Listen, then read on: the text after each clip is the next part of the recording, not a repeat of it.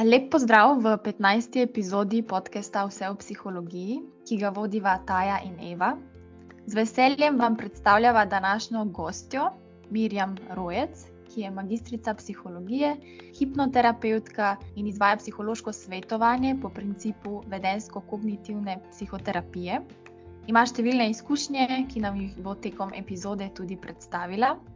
Nekaj časa je bila zaposlena na Onkološkem inštitutu v Ljubljani, kjer je delala z bolniki, umirajočimi in njihovimi svojci. Zato bo ta epizoda posvečena psihološkim stiskam, ki se pojavijo kot posledica bolezni. Pogovarjali se bomo, kako takšnim osebam nuditi pomoč, ter kakšni so izzivi dela z njimi.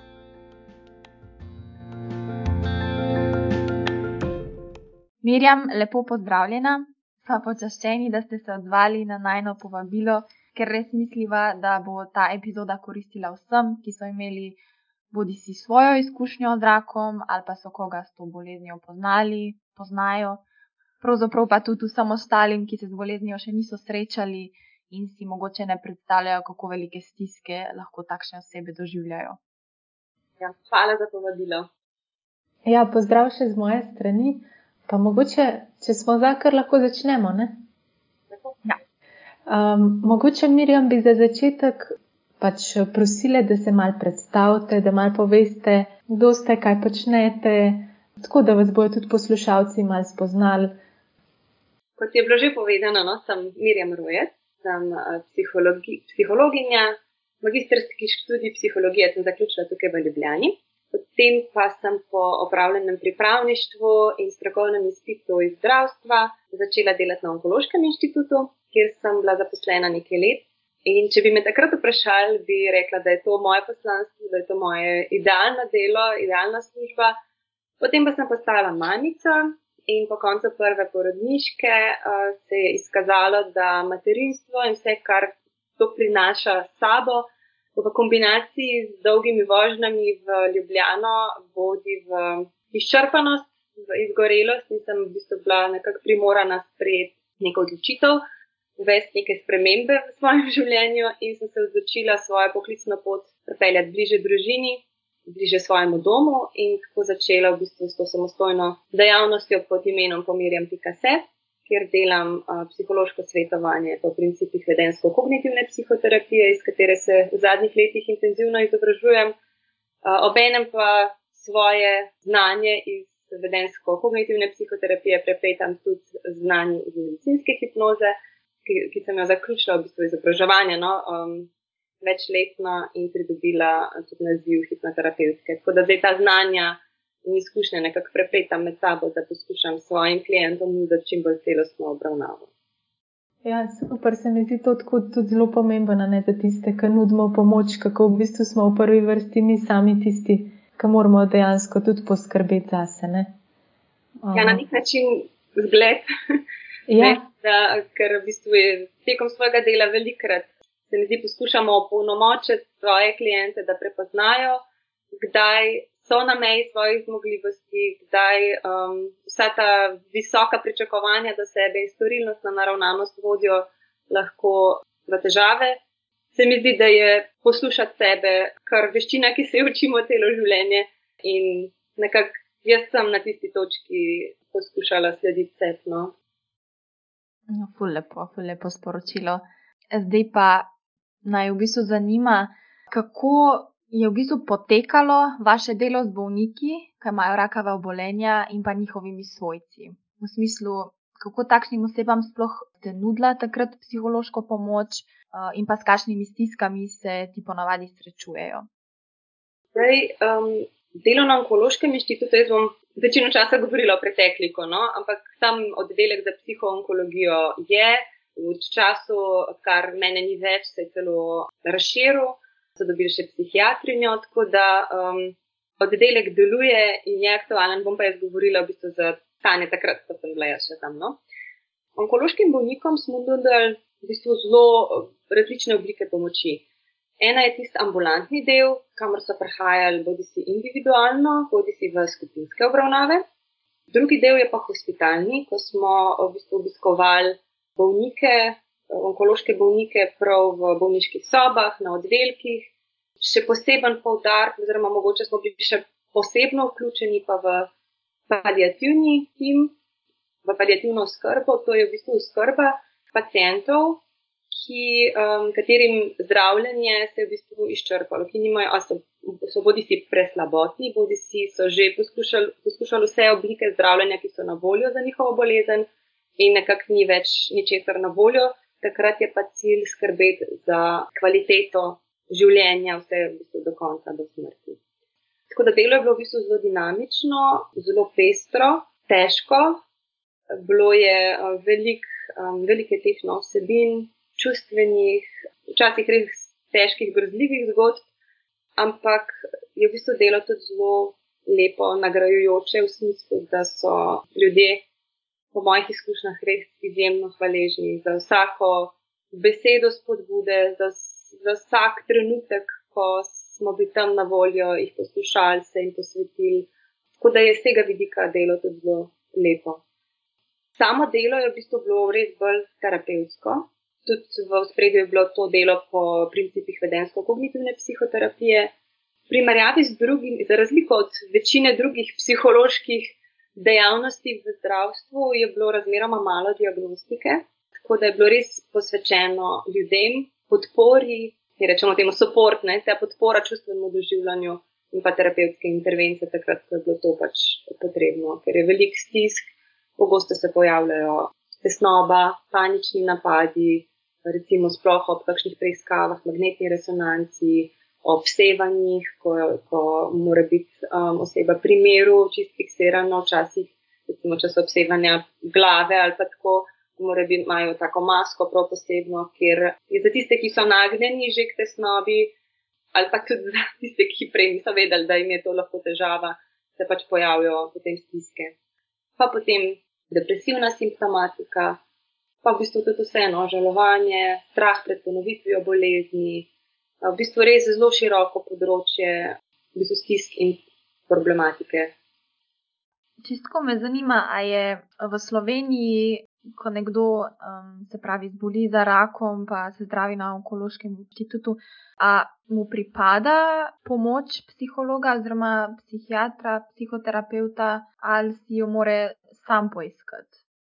Zdaj, večinoma v bistvu so na, na poti onkolog, ki opazi stisko pri osebi. Včasih pride na željo pacijenta ali pa svojcev, ne, da se vključijo v psihološko obravnavo.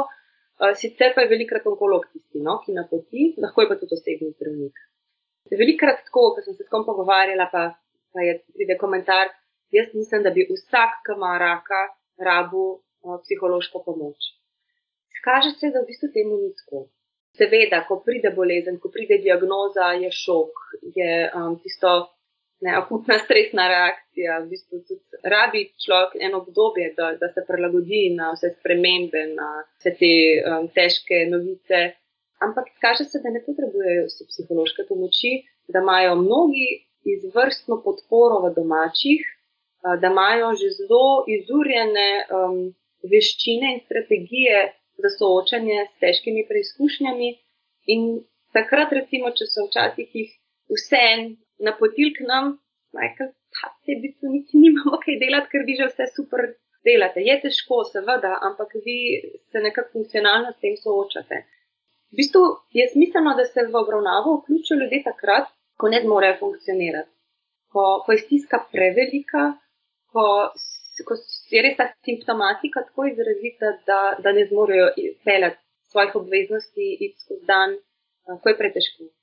Takrat pa se v bistvu vključujejo. Tudi ta del, no, velikrat smo dubali, recimo, sploh ta, ta faza, ta menik, no, ko onkolog sporoči uh, diagnozo in se pacijent, pacijentka začne jokati. In je potem onkolog v stiski, kaj zdaj narediti, in pošljajo k psihologu. Tako da smo jih kar nekajkrat dubali na vrata, evo, gospa je tukaj v stiski, zdaj te pomagati. Ampak velikrat ta del mine. Človek se mora v bistvu soočati na nek način s to težko novico, jo predelati, premisliti, kaj to sploh pomeni. V bistvu gre za šok in čist normalen odziv na šok najprej. In takrat v bistvu um, veliko teh stvari v roku tedna, dveh izveni, ker človek malo predela, malo prediha, malo prespi vse te stvari in um, se izkaže, da niti ne potrebuje v bistvu takrat za res psihološke pomoči, strokovne pomoči, je velikrat čist dovolj podpora svojcev pri tistih, ki imajo to možnost in to ta krug.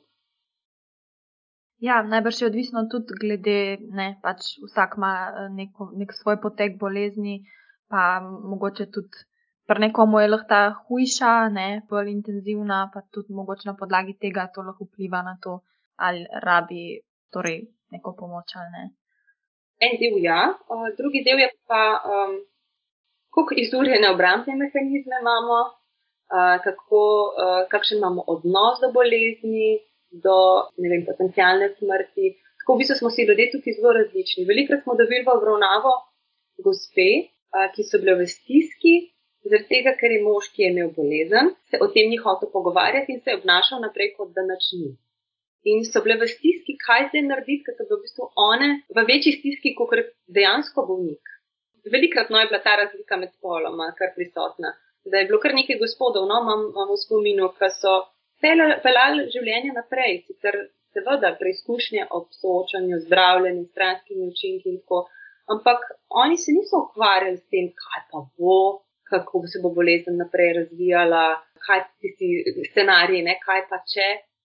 Oni so živeli v trenutku tukaj in zdaj in so upravljali tiste hobije naprej, kot so jih do zdaj, mogoče se niti niso v polnosti držali vseh navodil, ker pač so zdravnikov, ker so nekako um, niso smatrali, da bi rebili to počitka ali tako. Se jim je zdelo, da čisto lahko normalno funkcionirajo. In je bilo v bistvu tukaj, so bile soproge bolj v stiski in so one potrebovali našo podporo, veliko bolj kot bolnik sam. Tako da tukaj je res tako zelo različno, da um, je težko v bistvu posploševati. No? No, se tukaj se pa kaže to vaše delo, ne, um, se pravi, svojci v bistvu, na tak način, kot ste omenili zdaj. Tako, ta del uh, pa mogoče je spet bolj prišel, um, prišlo v spredje delo svojci, potem v paliativ, kako so bili bolniki v paliativni oskrbi. Se pravi, ko je zdravljenje izčrpano, ko ta nemoč svojcev pozovati te človeka, ki ga imajo radi, na nek način obsojenega na smrt, to spremljanje, to v bistvu anticipatorno žalovanje, to vnaprejšnje žalovanje za vsem, kar bodo izgubili s tem, ko bo oseba slabela, ko se mogoče niti ne bo več zavedala um, okolice in v bistvu potem tudi izgubo osebe. Se pravi, žalovanje že kar vnaprej, še ni mogoče niti blizu smrt. Tukaj smo v bistvu velikrat bili poklicani zraven kot podporo svojcem, pa potem tudi ob sami smrti no, bolnika, sploh za tiste, ki smo bili res vključeni do samega konca življenja v obravnavo. Ko, poznamo, ko smo poznali recimo družino, svojce in so, smo potem v bistvu svojci nadaljevali še nekaj časa po smrti onkološkega bolnika. V bistvu je kar um, res nekako to en sam kar dolg proces lahko, ne? Um, sej, sem pomislila tudi na vprašanje, koliko časa pa recimo potrebujejo um, vem, pomoč. Sej, spet je to lahko zelo individualno, ampak tako po vaših izkušnjah, kako, kako je bilo to nek ta optimalen čas ali pa mogoče nek, neko trajanje pomoči. Meni je bilo dragoceno, da smo bili vključeni v obravnavo čim prej. Um, tako, če, če so že bile težave, če je že bila stiska, uh, nam je bilo dragoceno, da smo imeli lahko vzpostavljen odnos, da v primeru napredovanja bolezni in potem prehoda v palijativno oskrbo pri tistih, kjer je pač se tako razpletlo, je bilo zelo fajn imeti že vzpostavljen odnos, da se res pelje ta vse proces do konca. Meni je bilo mogoče najtežje, kadar smo bili poklicani ne vem, nekaj dni pred smrtjo bolnika, ko um, je oseba velikrat že spremenjena, ko v bistvu že teže dojema okolico, ko teže je voditi pogovor, ko ne poznamo ozadja in vse poti doživljanja, ki je um, pripeljala osebo v bistvu do, do tukaj. Takrat mi je bilo v bistvu zelo težko, ker se nekako začne odpirati neke vsebine, par dni pred smrtjo, ko ne veš, ali narediš tem več škode ali koristi. No? Pa smo bili večkrat poklicani, ker so bili zaposleni v bistvu v stiski, ki so opazovali, kako je osebi težko kako se mogoče težko sooča s to minljivostjo, z vprašanji smrti, s temi strahovi, ki prihajajo ob vseh teh osebinah. Pa so bili v stiski in so takrat v nas poklicali. takrat sem se jaz počutila precej nemočno, no, večkrat je bilo tako. Da tudi en pogovor, ajde, no, ampak ni tistega procesa, kjer bi res lahko prispevali mi tisto svoje. No. Kadar je bilo že nekje v obzdravljanju, že prej, je ta proces tekel čist drugačen in potem tudi sam proces umiranja in slovesa od osebe um, poteka veliko bolj umirjeno, tako spokojno in je lahko v bistvu tudi tak način slovesa lep. No. Sem bila potem tudi jaz pomerjena, čist drugač. Um, na nek način je bil to en tak lep zaključek na te skupne poti, ko je človek res pomerjen sam s sabo, svojci, se ne boji več smrti, ker je nekako že speljal ta proces. Tako, no. Je pa potem tudi slabo čist drugačno, merjeno na nek način lepo. To je konec trpljenja za tisto osebo in šla zdaj skozi dolgo in težko pot. Mogoče bi tukaj še ta del, ker smo se prej pogovarjali o svojcih. Bolniki so velikrat na dva, tri korake pred svojci pri spoprijemanju z boleznijo.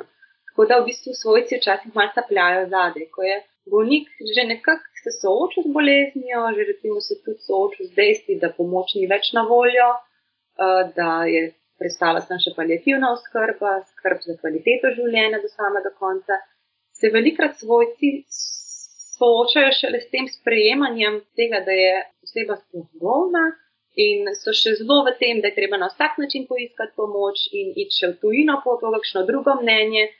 Nekako si zagotovite en tak občutek kontrole nad situacijo, ko je po drugi strani bolnik že davno sprejel in se vdal v usodo in nekako čist pomerjen z vsem tem, kar se mu dogaja, so svojci tisti, ki žene. Pa pejmo še tja, pa pejmo še po tisto mnenje, pa dajmo še še to zdravljenje poskusiti.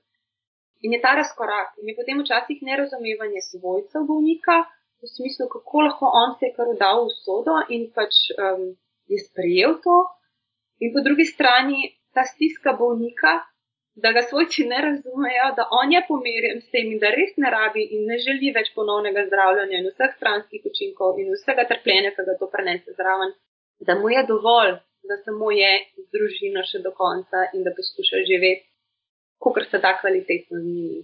In je ta razkorak včasih tudi vir enega takega konfliktov in pa stiske na obeh stranih. Ja, v bistvu um, dobra um, istočnica, ne? kako se, kako se različno vsi odzivamo na to, pa tudi potem, koliko lahko uh, je nekega pritiska tudi strani pol svojcev ali pa nek, ne, z tega vidika.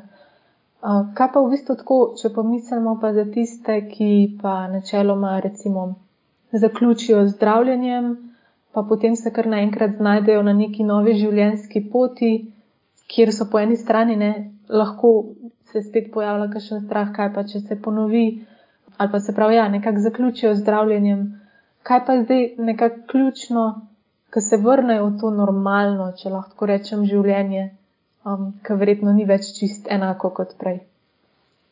Tukaj bi se jaz težko dala prav na potke, lahko pa bolj povem, sem, kaj sem jaz opazila, kako si ljudje drugače zastavljajo stvari po končanju. Uh mhm. -huh. Za mnoge je bolezen res ena taka preizkušnja, ki zelo mal prerasporedi, pre premeša te vrednote, to lestvico vrednot. Če je bila prej velikrat delo vrednota, se pravi, iti preko sebe, res delati, um, druge postavljati na prvo mesto, se velikrat no, ob bolezni te stvari premešajo. Da se postanejo ljudje bolj osredotočeni na sebe, se naučijo bolj poslušati svoje telo, svoje želje, um, svoje vrednote in dajo nekako več poudarka sproščujočim, prijetnim aktivnostim.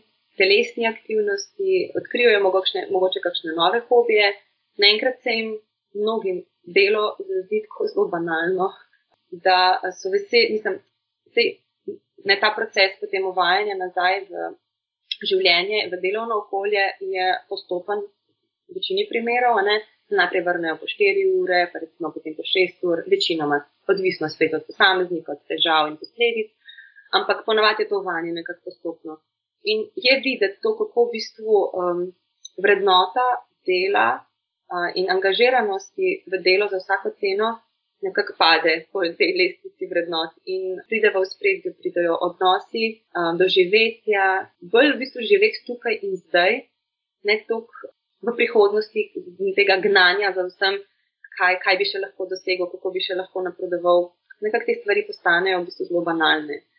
In je, ja, kot, kot, kot pravim, um, bolj osredotočeno na tukaj in zdaj na sledenje svojim občutkom, svojemu telesu, svojcem in prijetnim aktivnostim. No.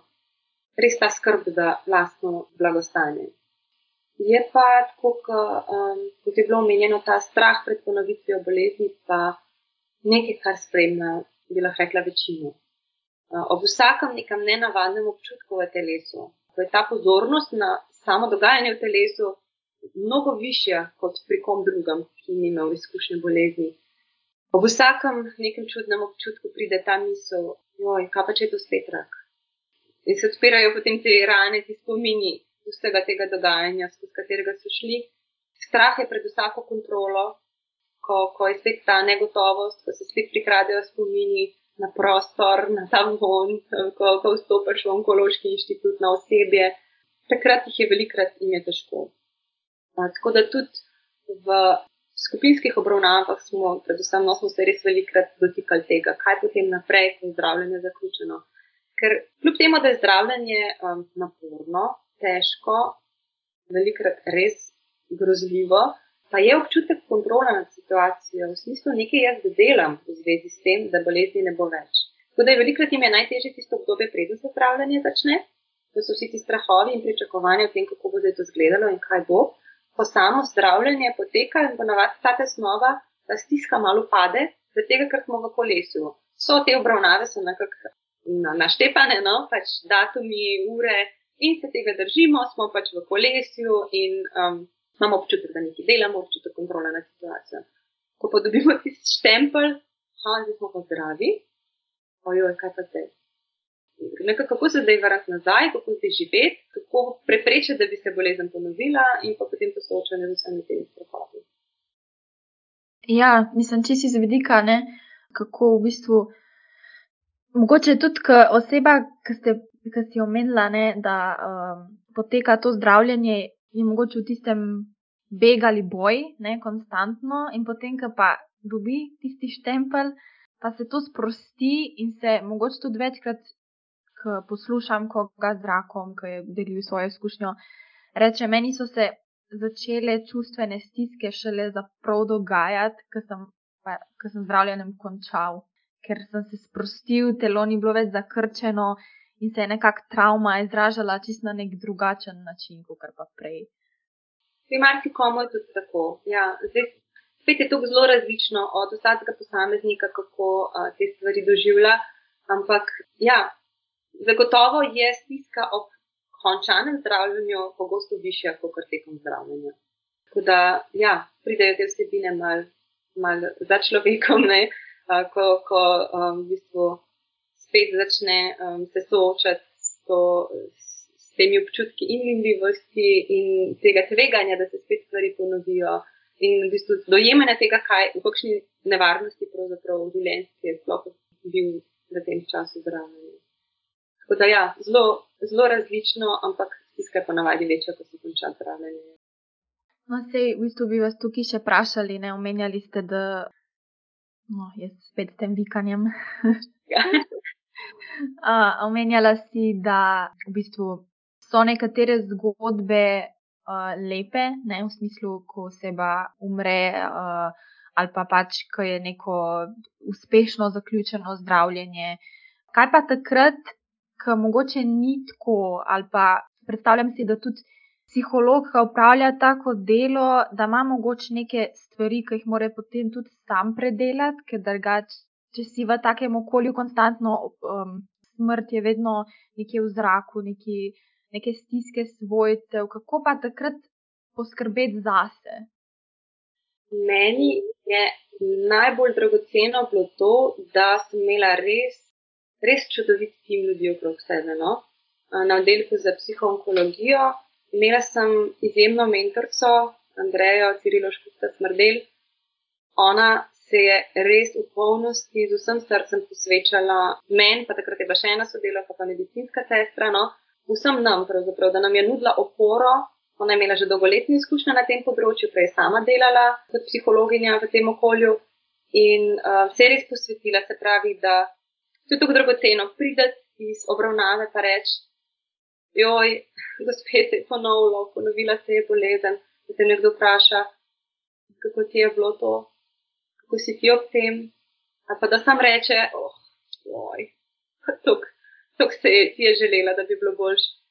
Slišati od nekoga, ki res razume, kako je biti na tej strani, ko poslušaš vse te zgodbe, ko se veseliš vseh lepih rezultatov in ko nekako trpiš zraven ob vseh eh, teh um, žalostnih novicah. Ali pa ko pride, ko vem, sem prišla iz oddelka, sem rekla, jo, jaz sem lagor, ampak gospod je pa noči umrl.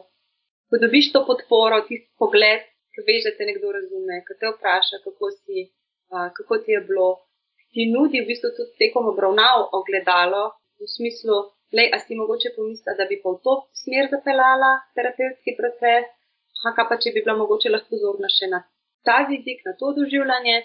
In je to res, res tako zelo dragoceno, da če bom kdaj v vlogi mentorce, si res želim tak način prenesti naprej.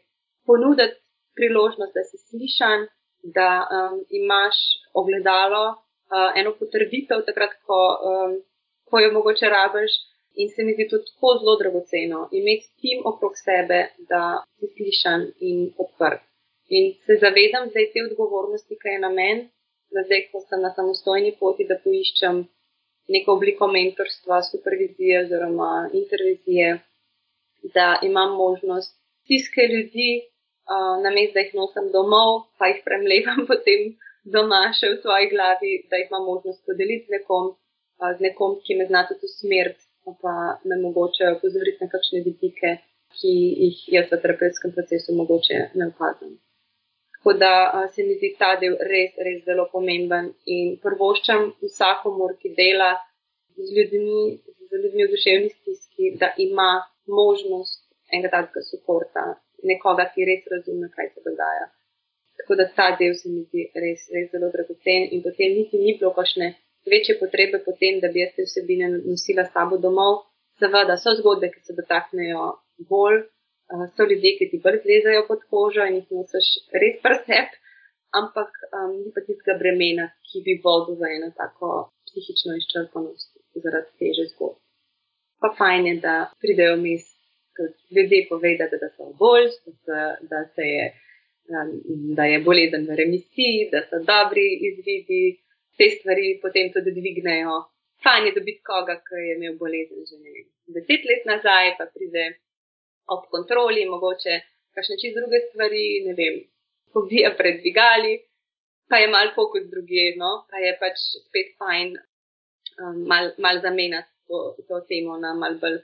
Um, na nekaj bolj lahkotnega, če rečemo, no, v narekovajih. Ker res je v bistvu tukaj smo spremljali ljudi od, mogoče nisem prej to poudarila, da je še ta del genetike, testiranja genetike, tukaj so v bistvu tudi velikrat se vključili nam, sploh recimo mlada dekleta, ko so razčakala na, na rezultate genetskega testiranja za obremenitev z mutacijo genov, ki poveča možnost za bolezen, ki so jo pogosto spremljali že pri svojih mamah, sestrah, tetah, ne, pogosto so te vrsta geni. Eh, in ne ta stiska mladih deklet, ki so na pragu ustvarjanja družine, iskanja svojega mesta v družbi, v poklicanosti, um, ki se morajo odločati o tem, ali bodo tvegale razvoj bolezni, ali bodo se odločile za preventivno odstranitev, uh, recimo dojk ali pa rodil, zato da ne bi prišlo v bolezni, ki jo opazujejo v svojem okolju in vejo, kaj to za sabo prenese. Tako da v bistvu od tega, ko, še, ko sploh ni bolezni, ko je samo možnost bolezni, v bistvu vse do konca življenja, v vse ta proces smo bili v bistvu vključeni. In je ta izziv teh nihanj čustvenega doživljanja pri pacijentih, seveda se to odraža potem tudi pri nas. Pa mogoče, kaj bi bili še izzivi, meni je bilo sploh na začetku, ko sem začela delati, težko opozoriti ljudi v tej telesni bolečini, nemočno opozoriti ko, ko v bistvu res nimaš kaj narediti, ko si jim lahko tam samo v oporu poskušaš s kakšnimi strategijami, tehnikami za omiljenje doživljanja bolečine, ampak si tako zelo nemočen ob tem. Težko mi je bilo gledati spremenjene ljudi, takrat, ko se niso, ko je recimo so bili že tumori tudi na možganjih, ko, ko se res človek pred tvojimi očmi se spremenja tako osebnostno, kot v bistvu čisto intelektualno. Težko mi je bilo opazovati vse te fizične spremembe, ne vem, ljudi, ki imajo stomo, uh, zato da v bistvu, um, ker imajo zaradi težav na prebavili, pa potem um, naredijo v vrečko, ne vse skupaj.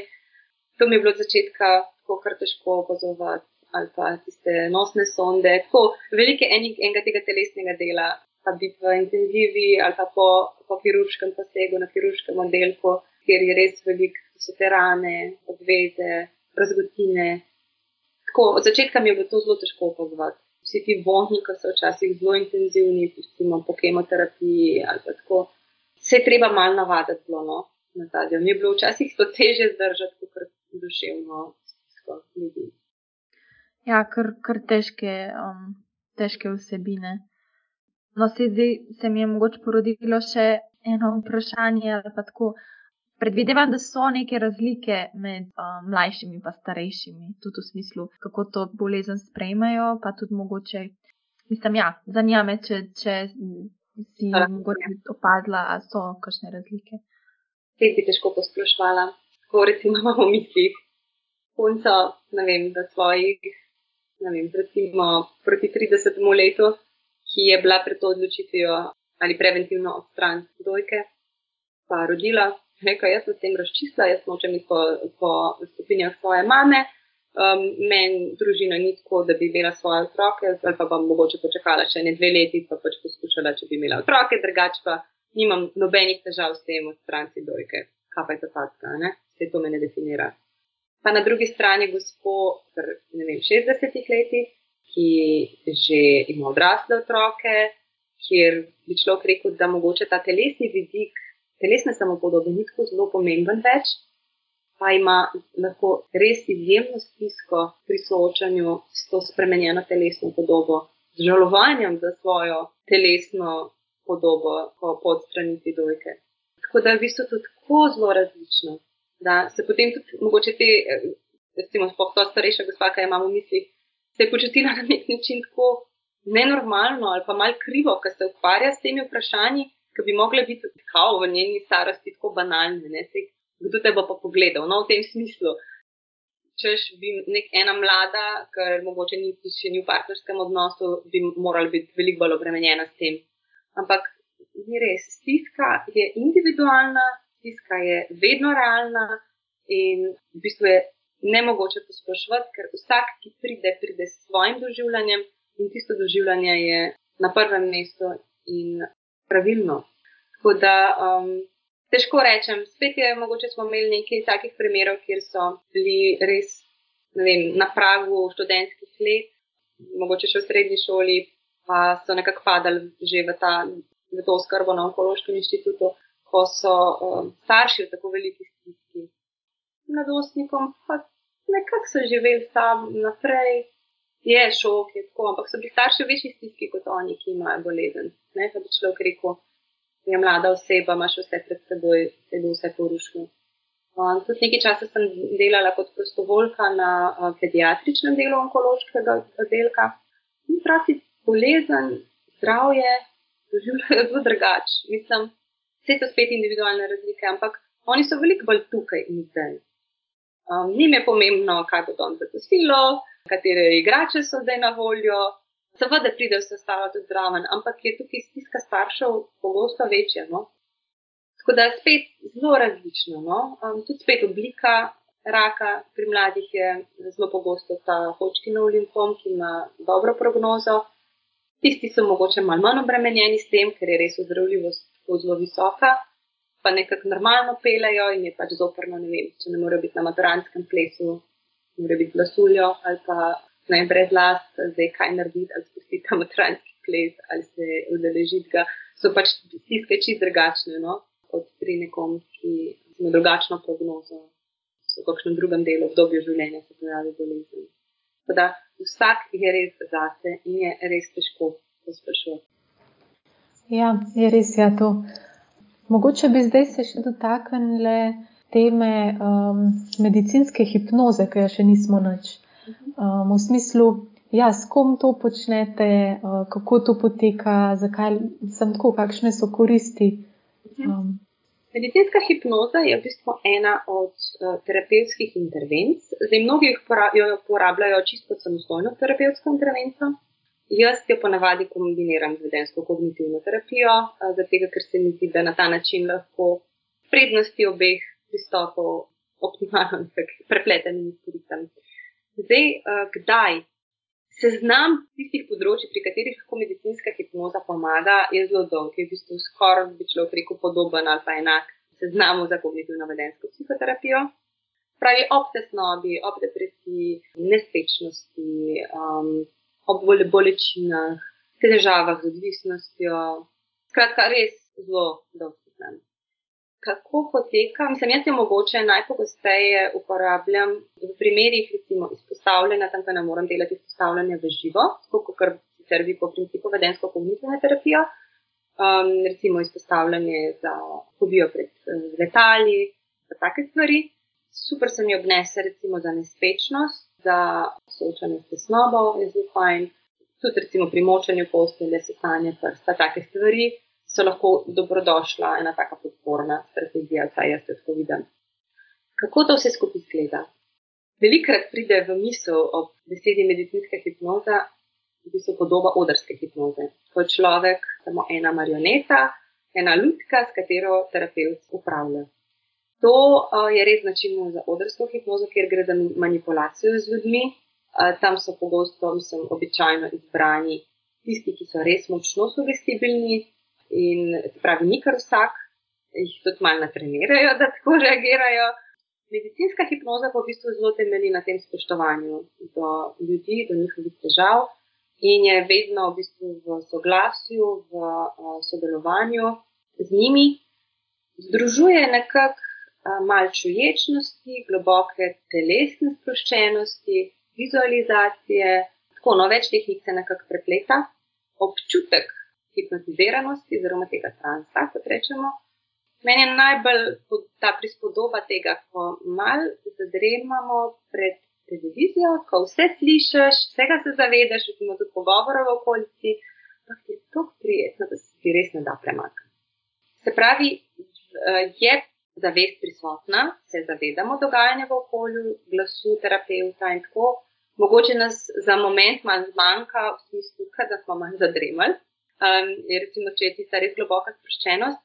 Uh, sicer pa v bistvu ima uh, oseba vedno kontrolo nad situacijo, vedno se lahko premakne, lahko reče in lahko prekine proces hipnoze, če pač kaj ne ustreza.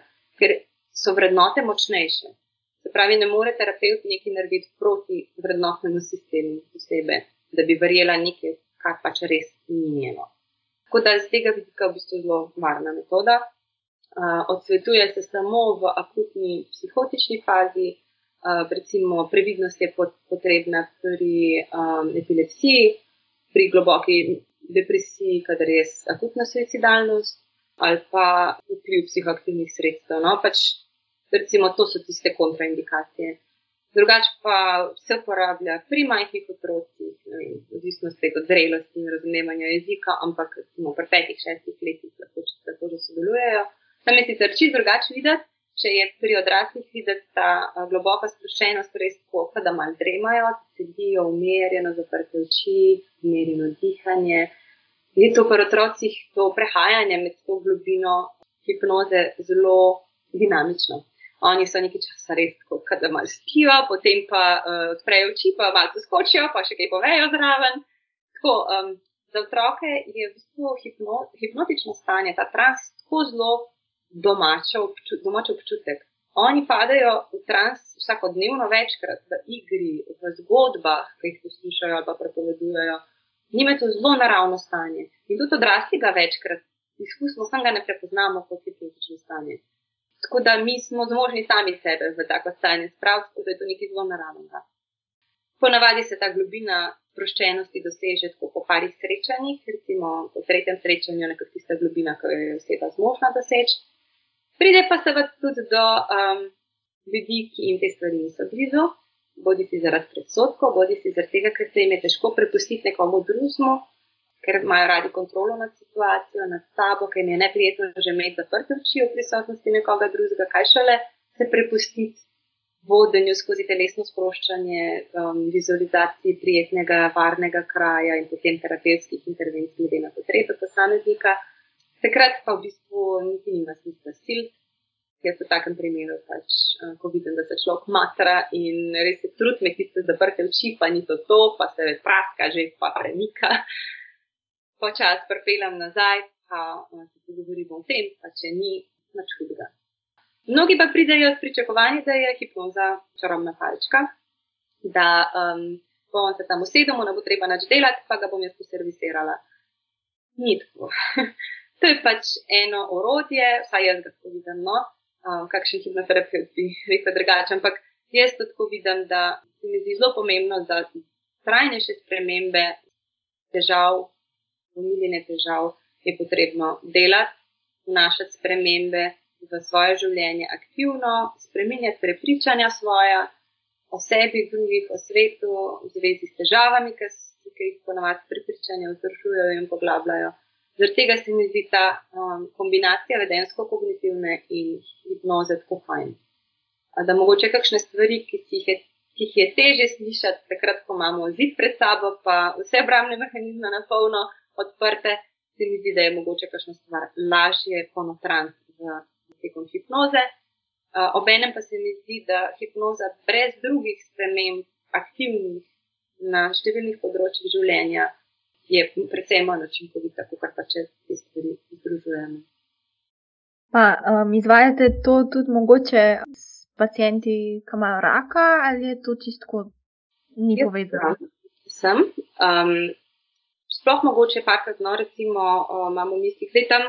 Na Onkološkem inštitutu je pač možnost za uh, hipnozo bila takrat, ko smo imeli individualne obravnave. Seveda sem jim razložila, kadar gre za hipnozo, sem jim povedala za medicinsko hipnozo, vprašala, če se strinjajo, če jim je to blizu. Ker jaz sem recimo, vizualizacija je ena od tehnik pri vedensko-kognitivni psihoterapiji.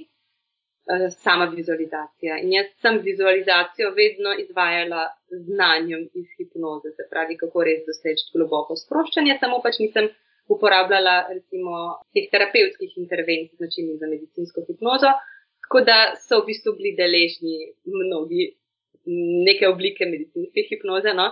ampak smo pa delali recimo za bolečino, tam, kadar je kronična bolečina prisotna, kar je pri mnogih onkoloških bolnikih recimo, za zmanjšati doživljanje bolečine. Sprav, bolečina je, da se je ne zmišljujejo, ampak mogoče, da je pozornost preusmerjena na nekaj drugega, pa je ta bolečina zaradi tega manjša, da se pač tega učijo. Recimo, nespečnost je tudi zelo velik problem pri hormonski terapiji, zaradi hormonskih oblivov, zaradi um, vročinskih oblivov ali pa zaradi um, posledica kemoterapije. Je tudi zelo fajn, uh, da recimo so se posneli moje vodenje um, hipnoze za nespečnost, ko so potem recimo poslušali zvečer, ko so šli spat, ali pa recimo, če po noči niso mogli spat, pa jim je pomagalo se spet umirjati, past v tisto res globoko spuščenost in uh, potem lažje tudi span pride. Pri kom, ki je bil zelo v stiski, so recimo delala to um, varni kraj, se pravi občutek uh, nekega res varnega zatočišča, kjer so problemi daleč stran potem um, tesnoba, recimo, iti na varen kraj, takrat, ko je ta preiskava magnetne resonance, recimo, to je mnogim težko, a ne, iti v tisto komoro noter, biti zaprt, um, takrat se zelo veliko panični napadi pojavljajo. In je to bila tudi ena od strategij, recimo, um, medicinska hipnoza, tega, te vizualizacije prijetnega, varnega kraja in kako delati s temi občutki tesnobe, z vsemi temi mislimi, ki pridejo noter v komori, ko se ne smeš premakniti, ali pa med sevanjem, ko se ne smeš premakniti, da tega, da se ne obseva kaj drugega. Takrat sem recimo to večkrat koristila. Ali pa čisto v skupinskih obravnavah smo imeli ponavadi proti koncu vedno eno obliko sproščanja in je bila večkrat recimo tudi potem medicinska hipnoza skupinska. Ne? Ta pač ni tako prilagojena posameznikom in njihovim težavam, ampak je bila taka bolj splošna, bolj um, pomirjajoča, prijetna. Zdaj, medicinska hipnoza eni uporabljajo to hipnozo tudi za recimo vračanje nazaj v prejšnjo življenje, za take stvari. V sami medicinski hipnozi tega niti ni. Je včasih recimo vračanje v otroštvo, jaz tega niti ne uporabljam pogosto, bolj z vidika, da se kakšne spomine mal pogleda z vidika odrasle osebe, pa se jih z tega vidika mal preoblikuje, ampak jaz bi se za, za te za te strategije odločila, če bi bila res izredna želja osebe, pa če bi se jim zdelo res pisano, no, ampak drugače mi zdi pa, se da tudi drugačne načine. Je zelo široko uporabna, um, da se jo vedno prilagoditi, tako da je, da mogoče ni tako zelo hipnoza, ampak je, da je lahko samo res globoka vizualizacija, sproščujoča res v globino. No? In se ljudje po sami hipnozi ali pa po taki, samo pač brez hipnotskih intervencij, ampak samo po tem sproščanju. Počutje umirjene, bolj nekako prisotne v trenutku tukaj in zdaj, sproščene. Mnogi rečejo, da tako še v življenju niso bili sproščeni, kot pa recimo po hipnozi, ker je več čas ta zakrčenost, pa ta neprisotnost teh misli, teh skrbi, te tesnobe. Tako da se mi zdi zelo fajn strategija za prepletanje še z drugimi Ja, super predstavljeno. Se mi zdi, da smo zdaj mal boljši občutek ne dobili. Um, pa tudi ja, res ta pomembnost, kako um, da znanje nekako uporabljamo tudi z vidika um, etičnosti, potem ne, kar je tukaj pri hipnozi še sploh ogromnega pomena. Tako, um, pa veliko je teh predsotkov, no, uh, in se mi zdi uh -huh. zelo pomembno najprej se pogovoriti o pričakovanjih, o predsotkih, ker je res pogosto ta slika odrske hipnoze, ne, da, da zdaj pa se oseba ne bo mogla zbuditi, pa se ne bo več zavedala, pa bom jaz recimo nekaj narekvala, pa bo zdaj ta oseba delala, pa ne bo sploh vedela. Skratka, to, kar vidimo v filmih. Ampak pri medicinski hipnozi, medicinska hipnoza je odobrena strani zdravniške zbornice, ker nas jo izvaja v bistvu društvo za medicinsko hipnozo, ki je pod okriljem, mislim, ki je pod vodstvom zdravnika ginekologa, ki je prenesel medicinsko hipnozo v Slovenijo in je to začel uporabljati v porodnišnicah pri porodih, tam je eno tako zelo močno področje um, uporabe. In v bistvu uh, je res veliko podarka na tej etičnosti, na soglasju uh, osebe na drugi strani, da je to res varno. Tako, no, ni kar nekaj, ampak ima svojo, um, ima za sabo v bistvu tudi znanstvene raziskave, um, veliko v bistvu. Um, opazovanja možganskega delovanja med hipnozo. Uh, uporablja se tudi v tujini, še posebno, pa tudi pri nas, pri um, operativnih posegih, da je ponekod na mestu kakšne anestezije. Pri porodih je ogromno tega, se lahko uporablja, je odlična um, strategija. A tudi sama sem jo dvakrat uporabljala, tako da sem sama sebi pomagala in, in je fajn. No? Um, tako da se splača, se mi pa zdi, da ni edina zveličavna pot, strategija in orodje, s katerimi bi se rešil vse težave, ampak tako kot vse ostale stvari, se mi zdi fajn potegniti tisto najboljše, kar ponuja, pa a, to pokombinirati še s čim drugim, zato da lahko pomagamo in prilagodimo prav posamezniku in njegovim težavam. Ja, super, Mirjam. Vsi mislim, da smo prišli na konec. Res si dala um, fulejnih pomembnih informacij, kot sem že rekla v uvodu. Uh, mislim, da bojo koristile širokemu spektru različnih ljudi. Tako da jaz sem res vesela, da, da si prišla in da si delila svojo, svoje izkušnje z nami. Mogoče še to, kje te lahko naši poslušalci najdejo. Uh, nisem mislila še to, ta del dodati, da um, vsak, kogarkoli zanima, kaj je v zvezi z uh, psihološko, uh, klinično psihološko pomočjo onkološkim bolnikom, res polagam na srce, obrnite se na psihoonkološki oddelek na onkološkem inštitutu, um, da oni, um, da vam pomagajo. Izkoristite to brezplačno pomoč, ki je res kvalitetna na onkološkem inštitutu, da, da si jo poiščete, če jo rabite. Po drugi strani pa tukaj tudi ogromno enih organizacij, enih društv, tako da res ni treba, da greste sami skozi to, ker je veliko možnosti in oblik pomoči uh, in je res smiselno izkoristiti to, kar je, kakšne možnosti so. Jaz pač zdaj delam pod imenom uh, pomirjam.c v kratkem prihaja spletna stran, drugač uh, poskušam biti precej aktivna tudi na Instagramu in uh, poskušam nekako s koristnimi informacijami um, jih ponuditi ljudem, tudi tistim, ki mogoče se ne bi odločili za psihološko obravnavo ali pa je niti ne rabijo, lahko pa se z drobnimi nasveti in usmeritvami pomagajo pri um, višji kvaliteti no, um, prebijanja skozi življenje in morebitne izzive.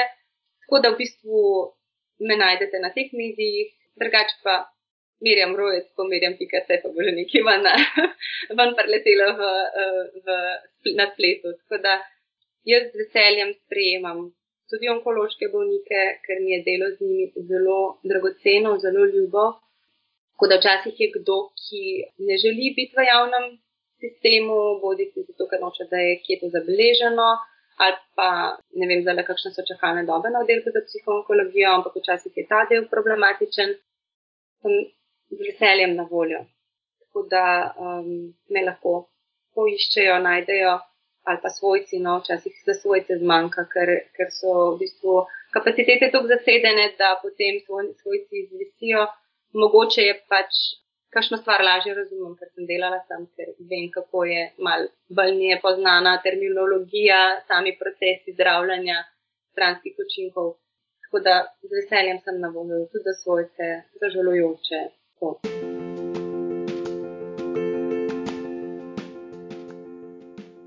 Super, Mirjam, najlepša hvala res tudi za to, um, pa ja, zato, ker si bila uh, najna gostja in um, ti želiva vse dobro, pa tudi uh, našim, poslu našim poslušalcem. Tako da bodite lepo, ne? pa se poslušamo spet k malu. Najlepša hvala za povabilo in za prijeten pogovor. Vse dobro za vami. Čau, čau. Ja.